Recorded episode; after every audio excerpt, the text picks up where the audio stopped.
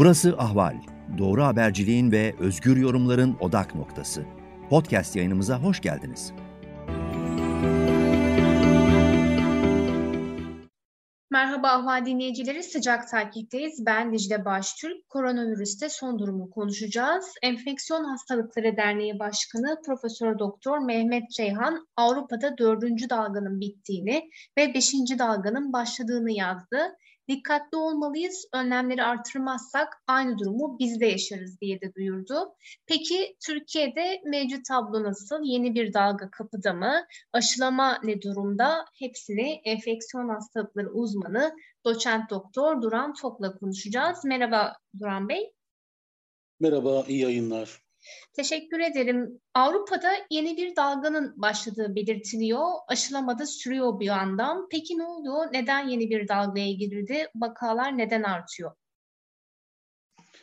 Şimdi efendim öncelikle e, hiçbir zaman zaten vakalar bitmemişti. Sadece e, belli artışlar oldu. Zaten koronavirüs vakaları genellikle böyle tek düze çizgi halinde olmazlar. Çünkü e, her zaman bulaştıracak bir kimse bu bir kalabalıktaki kimseler olabilir, ailedeki kimseler olabilir. Sürekli e, hele hele delta varyantında sürekli bulaş hali söz konusudur.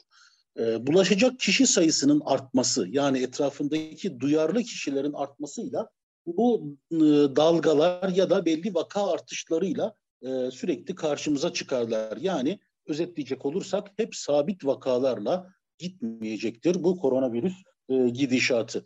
E, şimdi gelelim e, beşinci dalga olayına. Tabii biz bu dalga kelimesini daha çok halk arasında e, ki Mehmet Hoca da aynı şeyi söylemiş. Aslında gerçekte e, dalga olarak ifade edilmez. Ancak vaka artışlarını e, böyle nitelendiriyorlar. E, vaka artışları e, bizler koronavirüs özellikle aşısından sonra e, toplumdaki bilinçli kesimden de e, bir kısmı dahil olmak üzere e, tedbirleri nedense hep böyle ikinci plana atmaya başladık. Bu bir gerçek. E, ne zaman biz bunları e, kenara attıysak vaka e, tırmanışlarıyla karşılaştık. Ancak bu sefer biraz daha e, ciddi bir durumdayız. Neden derseniz özellikle kış ayının yaklaşması, e, mevsimsel geçişlerin olması, e, kalabalık ortamların e, kontrolsüz olması. Yani kontrolsüz derken ben e, eleştiri anlamında değil ama toplu taşımadan tutun e, iş yerlerindeki esnek mesai gibi uygulamaların eskisi gibi yapılmamasına, e, efendim e, kalabalık ortamların e, eskisi kadar dikkat edilmeden yani insanların maske mesafeye sizler de muhakkak karşılaşıyorsunuzdur dikkat edilmemesi e, yine aile içi bulaş eskisi kadar yine devam ediyor. Çünkü bakıyorsunuz ailede bir kişi olmuş fakat e, kontrol e, önlemleri yeterince alınmadığı zaman aile içi bulaş da aslında önemli bir faktör.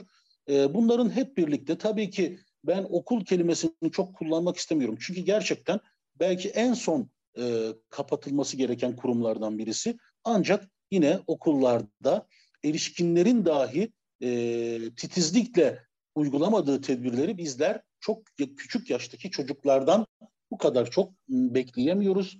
E, ama onların da işin içine girmesi ve multifaktöriyel dediğimiz e, şartların oluşması ile vaka tırmanışları ile e, karşılaşıyoruz. Türkiye'de özetleyecek olursak e, zaten vefat sayılarına baktığımız zaman genellikle artık belli bir e, rakamı adeta üzülerek söylüyorum e, hiçbir zaman altına inmeden hep e, tabirle anlatılmakta e, kamuoyunda da bilindiği için söylüyorum günde neredeyse bir uçak dolusu insanın e, vefatı e, süre gelmiş durumda.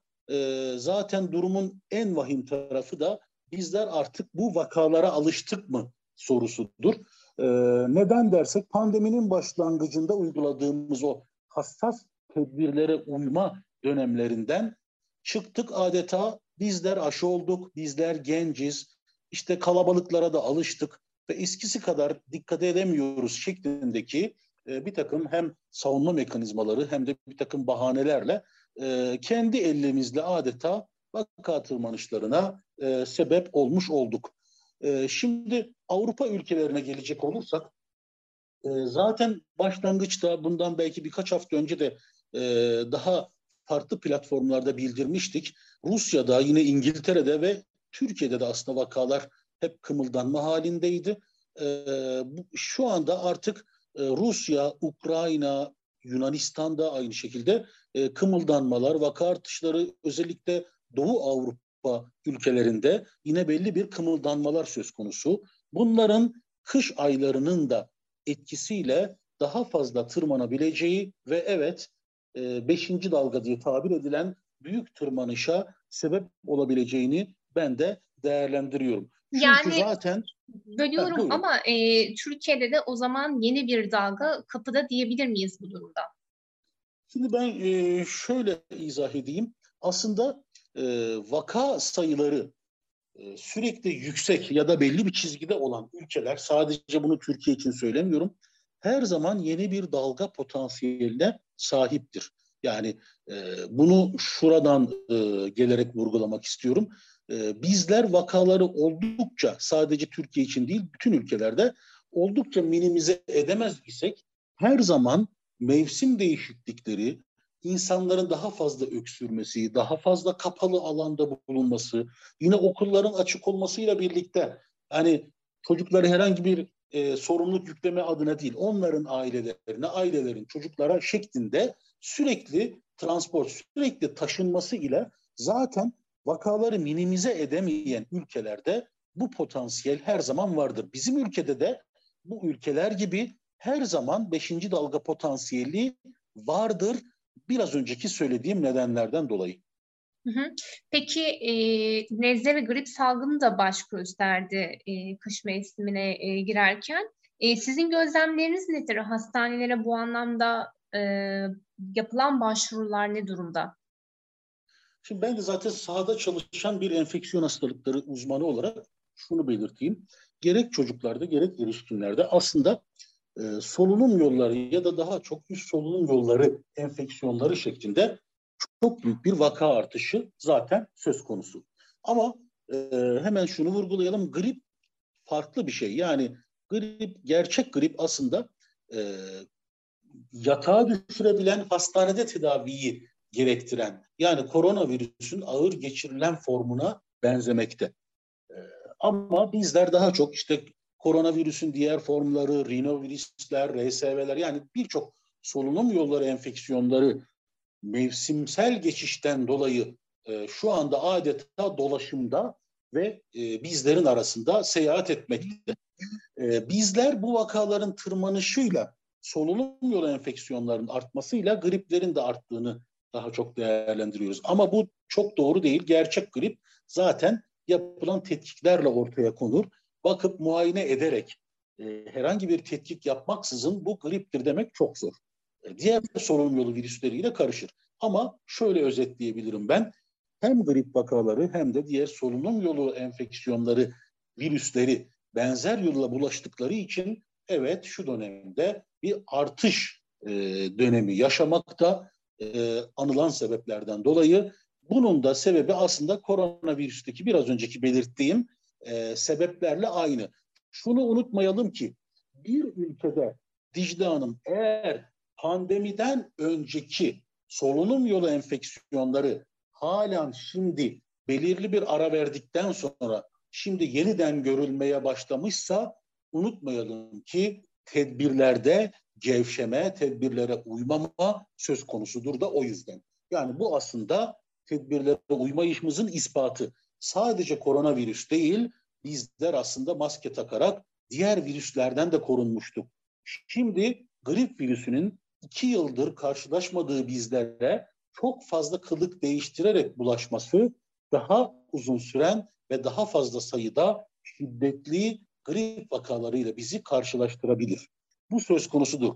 Tabii ki nasibini diğer virüsler de almakta. Ne olmakta? Yine solunum yolun diğer virüsleri de aynı şekilde tedbirlere uyma ne kadar azalır ise günümüzde olduğu gibi sayıları o derece artmaktadır.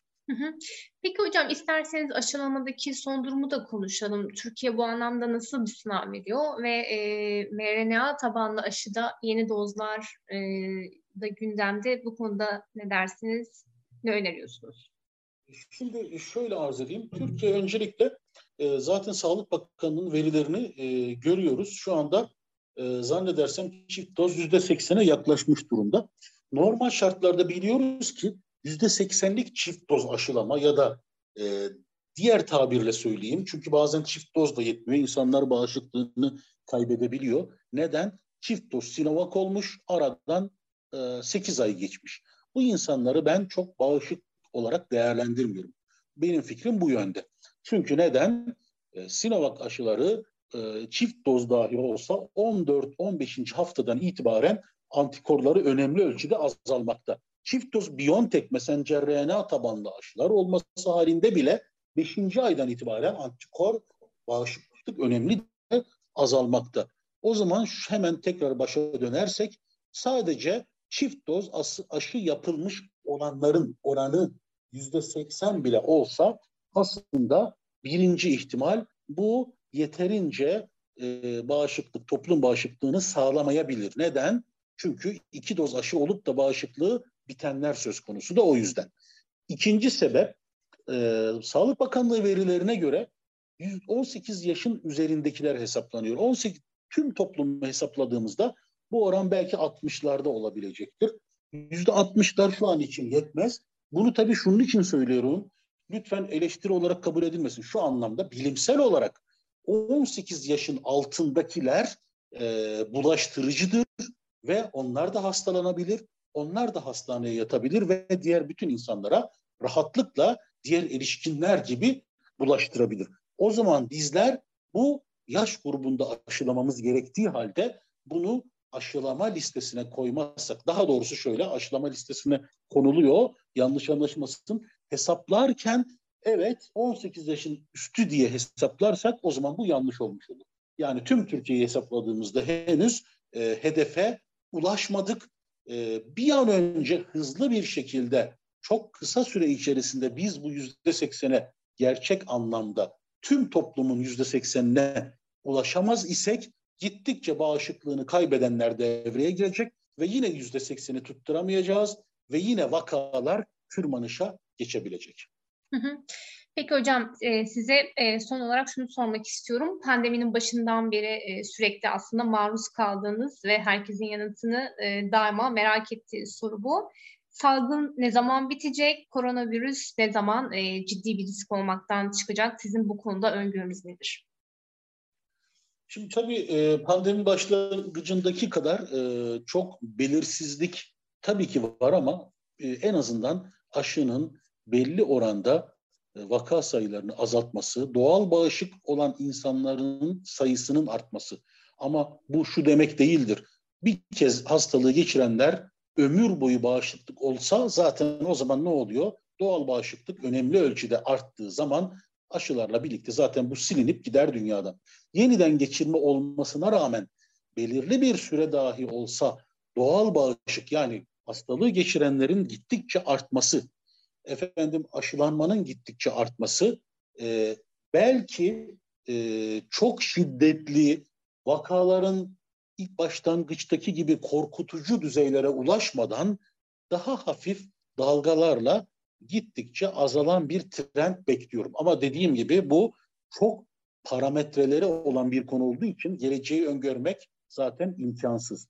Mümkün değil. Fakat e, beklentimiz şu yönde aşılanma oranı arttıkça bu efendim dalganın şiddeti de e, azalacaktır. E, ama burada hemen kötü bir ihtimali de belirtmeden geçemeyeceğim şu anda Dicle Hanım dünya nüfusunun belki yarıdan fazlası aşıya ulaşamamış, yeterli aşıya ulaşamamış durumda. Bu kötü ve esas korkutucu senaryonun buradan kaynaklandığını düşünüyorum. Neden? Ee, bizler kendimiz 1, 2, 3, 5 aşı yaptırsak bile eğer etrafımızdakileri yani bu salgın zincirlerini kıramaz isek tüm dünya toplumları olarak aşılamayı belirli bir oranda başaramaz isek işte o zaman pandemiyi bitiremeyiz. Biz bunları uygular isek pandemi kısa sürede biter. Ama bizler ne kadar çok ilaç da bulsak, aşı da yaptırsak kendimize böyle giderse yani bu B ihtimali diyelim böyle giderse belki bir sene iki sene daha sürebilir. Ama öbür türlü e, aşıların şiddetle e, çok kısa sürede yaygınlaşmasıyla ben artık 2022'nin sonuna doğru tabii bu çok zor bir şey ama e, yavaş yavaş artık etkisini kaybederek e, 2023'ten itibaren de mevsimsel bir e, gribal enfeksiyon gibi, solunum yolu enfeksiyonu gibi artık tarihteki yerini almasını hem ümit ediyorum hem de bekliyorum. Evet, çok teşekkür ediyorum hocam katıldığınız için, ben değerli görüşleriniz için. Sağ olun efendim, iyi yayınlar, hoşçakalın.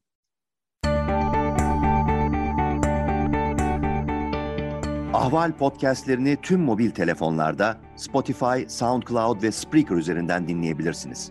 Apple iPhone kullanıcıları bize iTunes üzerinden de ulaşabilir. Türkiye'nin ve hayatın cıvıl cıvıl sesleri Ahval Podcast dizisinde. Kulağınız bizde olsun.